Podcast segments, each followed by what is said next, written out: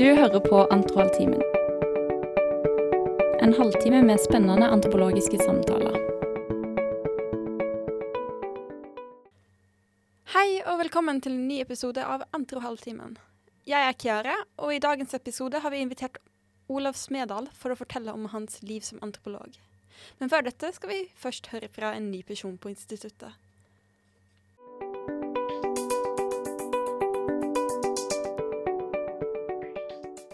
Jeg heter Maria Bakke Ulvesæter. Jeg er vitenskapelig assistent på instituttet. Jeg jobber for prosjektet Urban Enclaving Futures og for GRIP, Global Research Program on Inequality. Eh, der jobber jeg mest med kommunikasjonsarbeid. For meg betyr antropologi at vi får eh, en økt mulighet til å forstå hverandre som mennesker, som gjør at vi kan samarbeide og jobbe sammen og skjønne mer av verden vi bor i.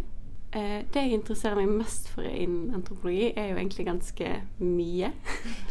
eh, jeg er interessert i Vest-Afrika, i digitale teknologier, i migrasjon og urban utvikling, og helse i antropologi.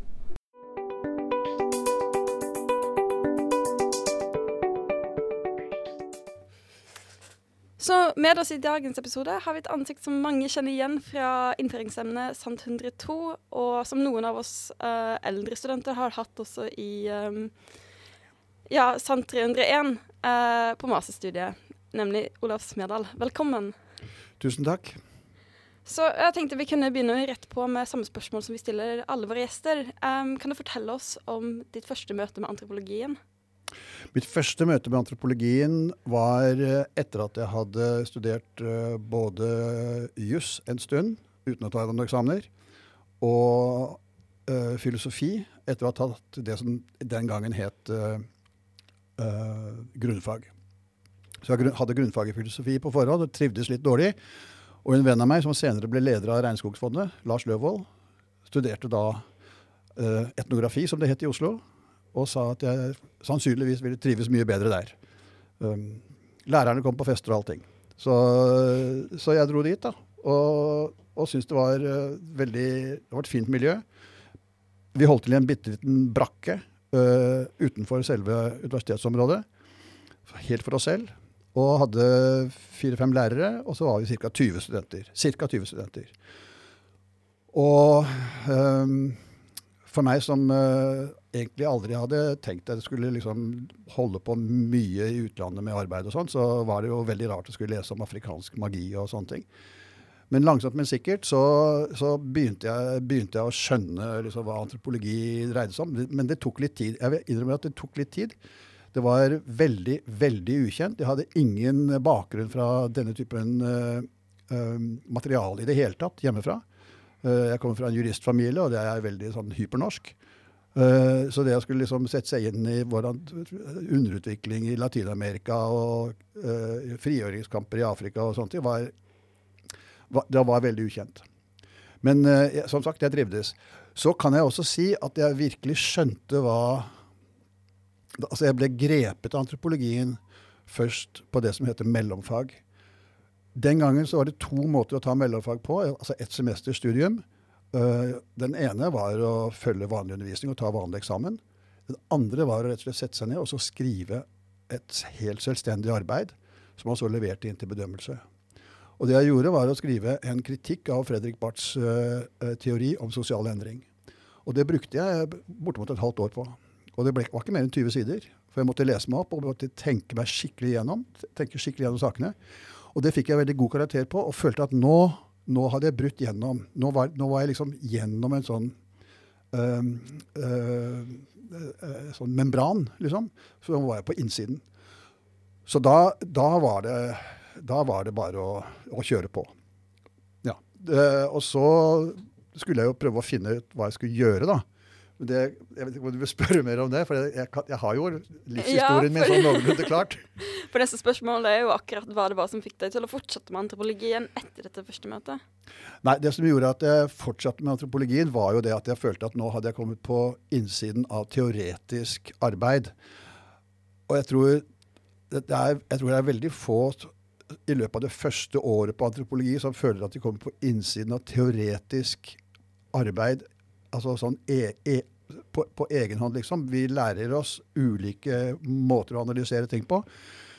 Vi går gjennom faghistoriske ting og sånn, som jeg er veldig glad i, egentlig. Jeg tror det er veldig nyttig med faghistorie, fordi at folk har holdt på med problemer før oss.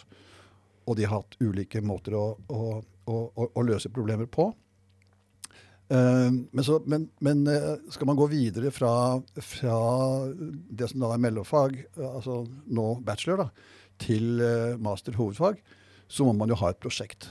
og jeg fikk det rådet at jeg burde forberede meg på, å, hvis jeg ville arbeide i utlandet, og forberede meg språklig.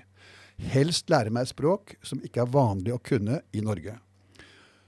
Og på det tidspunktet så uh, hadde jo Norge for lengst funnet olje. Vi fant olje, Philips fant olje nå er nettopp sett Lykkeland, og vi vet at uh, Philips fant uh, olje i 1969. Det ble ikke ordentlig driv i det før i 1970. men så tenkte jeg OK, nå skal vi se at Norge blir medlem av OPEC. Så da var det å lære seg arabisk.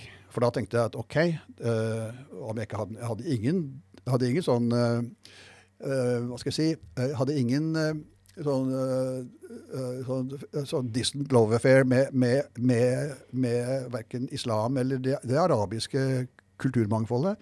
Mm, dette var Jeg tenkte jeg må få meg arbeid etterpå. Så jeg dro til Egypt. Og klarte å tuske til meg et arabisk stipend, sånn egyptisk statsstipend. Og tilbrakte et par år i Egypt og studerte arabisk ved universitetet i Alexandria. Uh, og når jeg da kom tilbake igjen til antropologien en del år etterpå, så, så hadde jeg et, et, idé om hva jeg kunne gjøre i Egypt. Og, og, det sa Fredrik Barth, som da ledet det seminaret som vi utviklet sånne prosjektbeskrivelser uh, uh, i, eller gjennom, at det var ikke noe særlig vits i, fordi at vi visste det vi trengte å vite om de folkene jeg hadde tenkt å studere. Så, så da, da, var gode råd dyre, egentlig. Um, veldig dyre. For det, dette var det jeg hadde forberedt i flere år. Uh, arabisken min ble aldri veldig god, men den var brukbar. Jeg klarte meg helt på egen hånd. Jeg hadde tross alt holdt på et par år med å lære meg muntlig arabisk, særlig. da, altså Skriftlig har jeg aldri vært god. Men muntlig arabisk så klarte jeg meg fint. Uh, familien min kom på besøk, og jeg guida dem rundt. liksom og sånn. Men altså, for å gjøre en lang historie kort Jeg fikk råd på Etnografisk museum om å reise uh, til en øy som heter Banka i Indonesia. Uh, for der var det noen folk som var uten religion. Og så tenkte jeg jøye meg et folk uten religion i Indonesia. Det, det hørtes uh, spennende ut.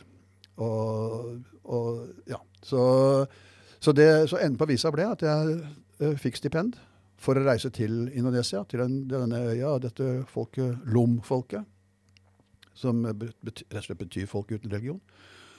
Og, og, ble der i 19 måneder og kom hjem og skrev en uh, magistergradsavhandling. Uh, ja, så da var jeg på en måte ferdig antropolog. da. I 1988 ble jeg ferdig som antropolog. Så nå har du hatt en veldig lang karriere. Hva er det som har vært det mest givende med å være en antropolog? Um, jeg vil si det er to ting. Det ene er uh, det å være antropolog ved et universitet. Fordi uh, da får man uh, anledning til å korrumpere ungdommen. Og, og, forsøke å bidra til at de blir gode antropologer, de, de som virkelig vil det. da, Og hjelpe så godt man kan til at den interessen som unge, helt begynnerstudenter har for, for, antropologiske spørsmål, at den, at den videreutvikles og, og, og, og, kan dyrkes videre frem, odles frem. så det er den ene siden av det. Jeg tror aldri jeg hadde altså sett i, sett i retrospekt, så tror jeg ikke jeg ville trivdes så godt med å være ren forsker-antropolog. Jeg har vært veldig glad i å undervise og veilede. Um, både muntlig og skriftlig, holdt jeg på å si. Um, men det er en det er, uh, så, Kanskje enda mer personlig er, um, er den gleden jeg har hatt over å ha over å få eller utvikle eh, kontakter de stedene hvor jeg har jobbet. Altså, det har jo etter hvert blitt flere av dem. Banka var jo det første, og på en måte det, lengst, det lengste i ett sett. Men eh, til doktorgraden min så reiste jeg til en øy som ligger mye lenger øst, uh, Flores, og arbeidet med Ngada-folket. Uh, og fra og med 97 så begynte jeg å reise også til Borneo, hvor en del av Ngada-folkene hadde transmigrert, som det heter. Hadde migrert dit for å arbeide i, på oljepalmeplantasjer. Så du kan si dette er de, tre, det er de to folkegruppene jeg har arbeidet blant. Begge eh, ble jeg kjent med på 1980-tallet, og begge har jeg veldig nær kontakt med fremdeles. Eh, jeg var senest på Flores eh, i desember 2019. Og hadde planer om å reise tilbake i 2020. Alle vet hvorfor det aldri ble noe av. Men det at jeg har hatt kontakt med, med mine beste jeg nøler av og til med å bruke ordet informanter, at de blir venner. Uh, det at jeg har hatt denne kontakten med dem, det, det, er en veldig berikelse i den forstand at jeg føler at jeg har levd flere liv enn ett. Um, jeg har liksom to-tre. Uh, jeg har ett liv gående på banka, jeg har ett liv gående med Ngada-folkene på Flores og, og Kalimantan. Og har reist ofte, og, og ofte ikke veldig lenge av gangen.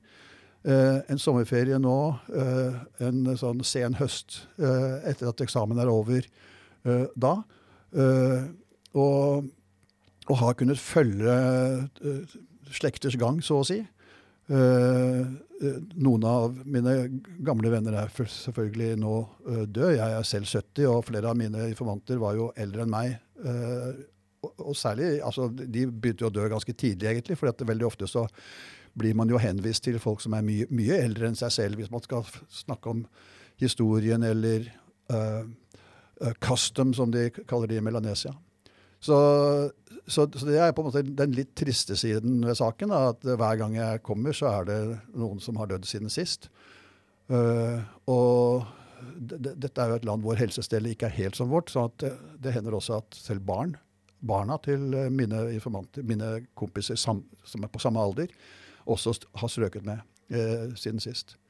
Men det vil jeg si, det er de to, er de to, de to, de to gledene jeg har hatt da, ved å være antropolog. Det ene er undervisning, og det andre er, er det å, være, å, å, ha hatt disse veldig langtvirkende, uh, uh, lengevarende uh, relasjonene med, med faktiske mennesker gutter og jenter og menn og damer og eldre herrer og eldre damer. Det har vært uh, ja, ja, Det var en rørende jeg må nesten, Det ble en veldig rørende uh, situasjon da jeg skulle reise hjem etter det første lange feltarbeidet på Florus. For da hadde jeg blitt kjent med en dame som var litt av en dame. altså. Hun, var, hun kunne ikke et ord indonesisk, og jeg er veldig dårlig i det stammespråket. Men uh, vi ble kompiser allikevel.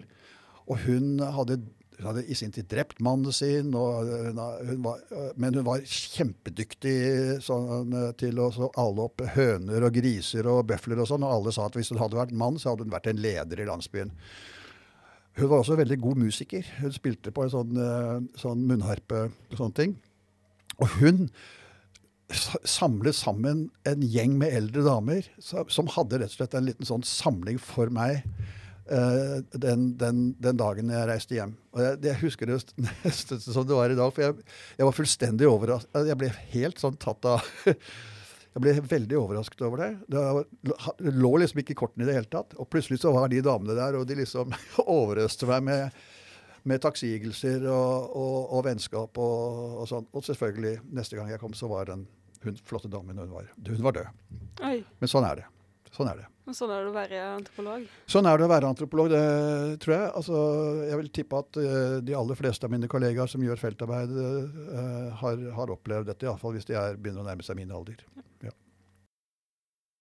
Du har vært på plass her i Bergen siden 1996 og har kunnet følge utviklingen av antropologien som har blitt produsert siden da. Hvilke trender har du observert, og kan du si noe om hvor den er på vei? Ha.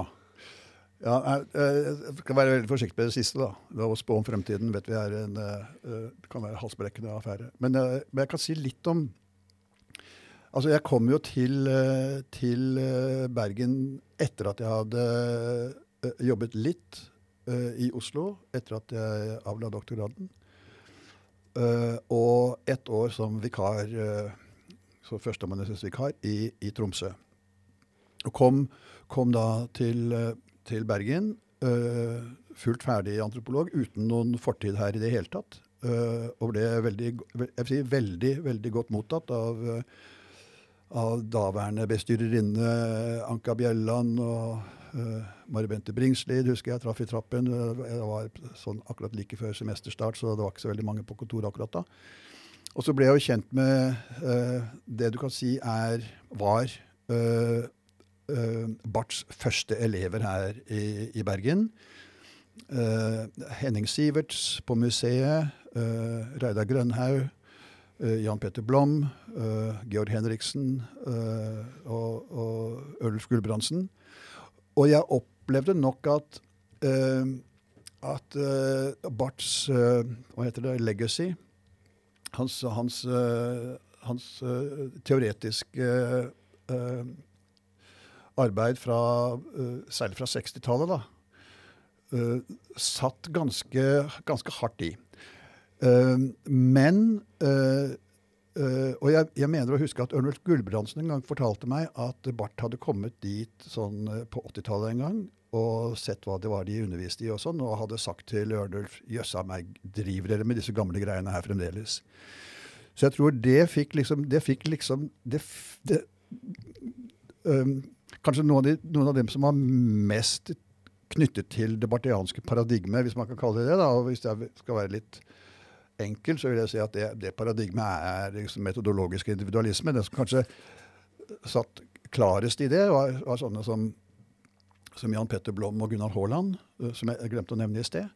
Uh, uh, Reidar uh, var nok mye mer av en strukturalist også, sånn, sånn, som kunne alt mulig rart. Og Ørnulf arbeidet veldig mye med politisk antropologi.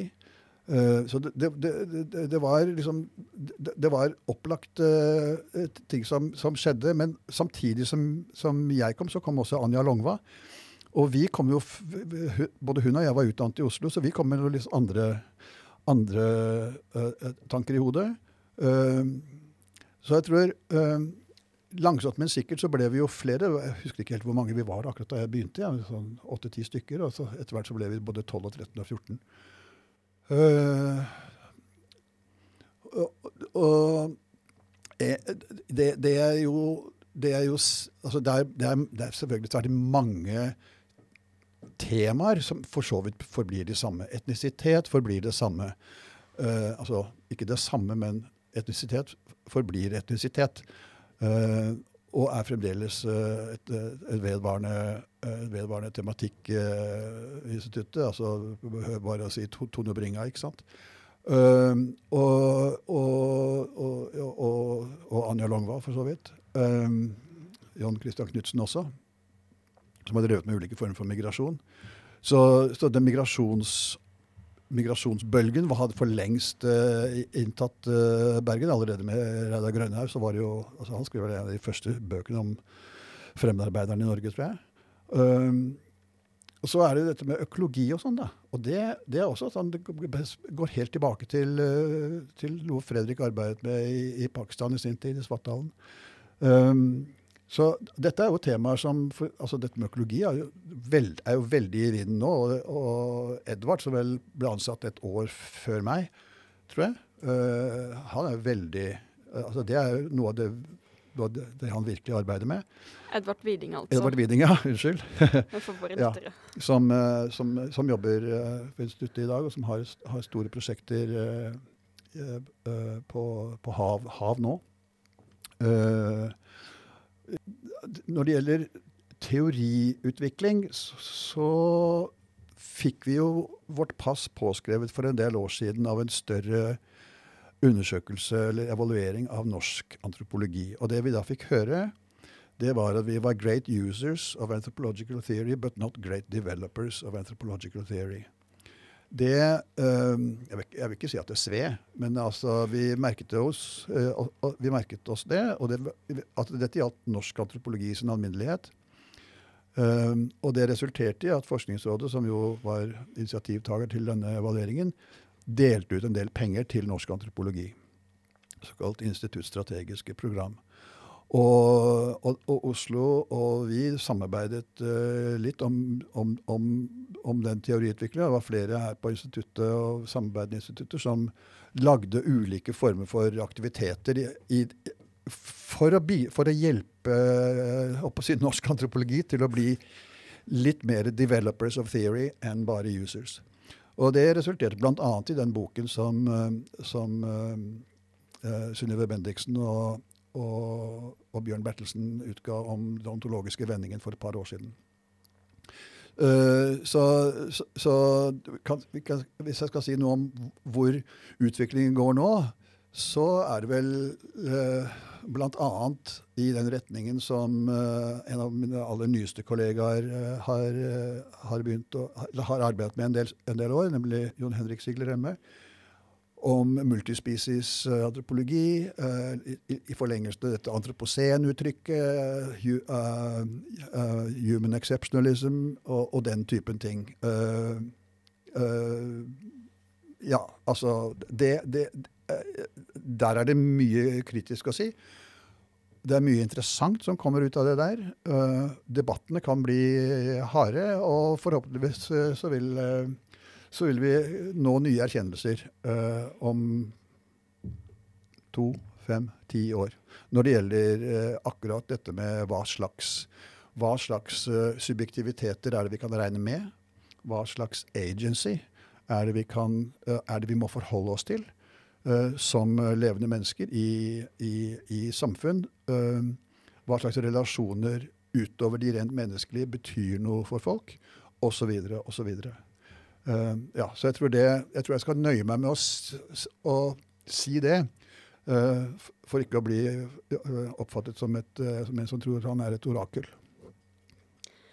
Um, og som du sa til oss da vi snakket med deg i går, så skal du tydeligvis ikke forlate instituttet for du blir båret ut i en kiste. hvordan blir, Hvor er det du skal fremover med ditt eget arbeid nå?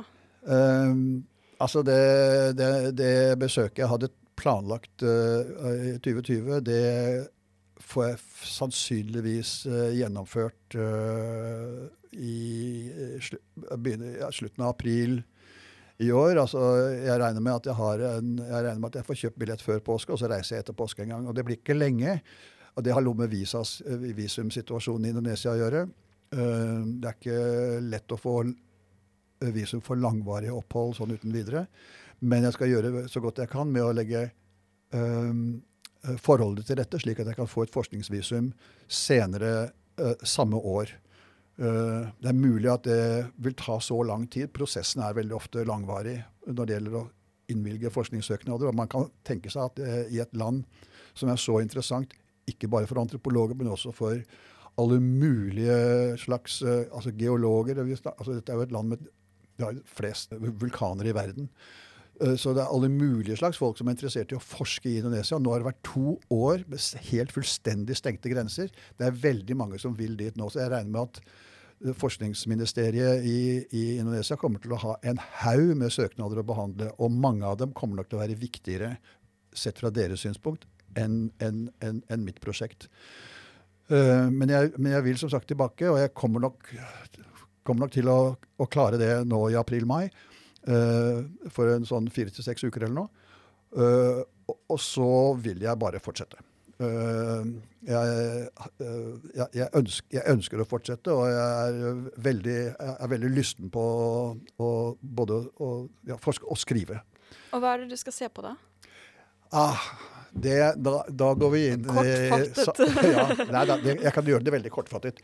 Uh, det første jeg skal se på, er uh, uh, interekniske ekteskapspraksiser. Uh, Nadaene som jeg har jobbet med på Florus, uh, holder til i et ganske avgrenset område.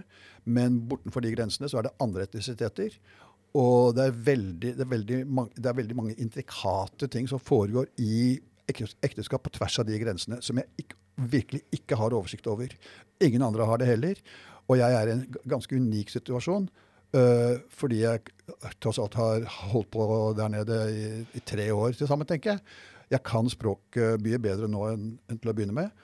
Og, og, og, jeg har mange kontakter. Så, så det er det jeg kommer, jeg kommer til å raide rundt. Nå kan jeg til og med gjøre det på motorsykkel. Før måtte jeg bare gå. Uh, det var ikke noen veier å kjøre på. Uh, men da kunne jeg reide rundt på motorsykkel til både hist og pist. Og, og slå meg ned en uke eller to eller tre. Vært, vært så masse forskjellige steder. Og se på hva er det egentlig de gjør. Og for at, eh, noen er patrilineære, noen er matrilineære, og noen er kognatiske. Og det er alltid brudepris involvert. Men hva slags, og hvordan foregår dette, og hvor blir det av barna? Spennende. Da tror jeg at vi må runde av, men før det så spør vi alltid våre eh, intervjuer, holdt på å si informanter, eh, om du har noen tekster å anbefale? Noen artikler eller bøker eller noe annet media som du tenker eh, ja, OK. Um, jeg skrev en, eh, en, side en gang i Kula Kula om akkurat det. så Jeg tror jeg bare henviser til den siden og nevner hvilke bøker det er. Uh, jeg skrev også da at jeg, anbefaler disse bøkene fordi de gjorde stort inntrykk på meg uh, da jeg leste dem. fordi de åpner for erkjennelser som ikke er opplagte. Jeg har aldri noensinne brukt de to monografiene Ingen av de monografiene har jeg brukt i undervisning. Det er ganske rart. Men den ene boken er av Michelle Rosaldo og heter 'Knowledge and Passion'. Og, og, og, det man lærer da, det man forstår da, det er hvorfor det gir mening å kappe hodet, for, kappe hodet av folk. Altså virkelig hvorfor. Altså, ikke, det er ikke snakk om her om noen unnskyldninger, eller noe sånt, men det er hvorfor gjør de det? Hvorfor er det så utrolig tilfredsstillende? Hvilke situasjoner er det som folk kommer i, som gjør at det å kappe hodet av noen løser problemet? Det er det ene. Det er den ene boken. Den andre boken heter 'Sound and Sentiment' av uh, den amerikanske antropologen altså Michelle Rosaldo, også amerikansk, men hun, hun døde på feltarbeid veldig tidlig, dessverre. Uh, Steven Felt er stadig med oss. Han har vært professor to ved Griegakademiet her, så han har vært flere ganger her i Bergen. Han gjorde feltarbeid på Papua Ny-Guinea blant noen folk som er ve veldig gode på lyd. Uh, selv var han praktiserende jazzmusiker før han uh, ble antropolog. Og han sitter da i regnskogen og hører fuglesang og, og, å snakke med informantene sine. Og de kan, de, de kan skjelne oppover i Helt opp til det Hva heter det? Panoply, eller hva det husker ikke hva det. Toppen i, toppen i regnskogen. Så kan de skjelne forskjellige typer lyder. Avstand mellom dem, så å si. Pluss at og, og, de bruker disse, fugles, disse, forskjellige fuglenes sang til å utvikle egne sanger. Veldig, veldig mange av dem er er, er sånn, sånne sørge, sørgesanger og sånn. Og, og, så utviklet han et system for å ta opp alle disse forskjellige lydene. Og sånn, og det endte med at han uh, fikk spille av noen av disse sangene på, i pausen til en Grateful Dead-konsert.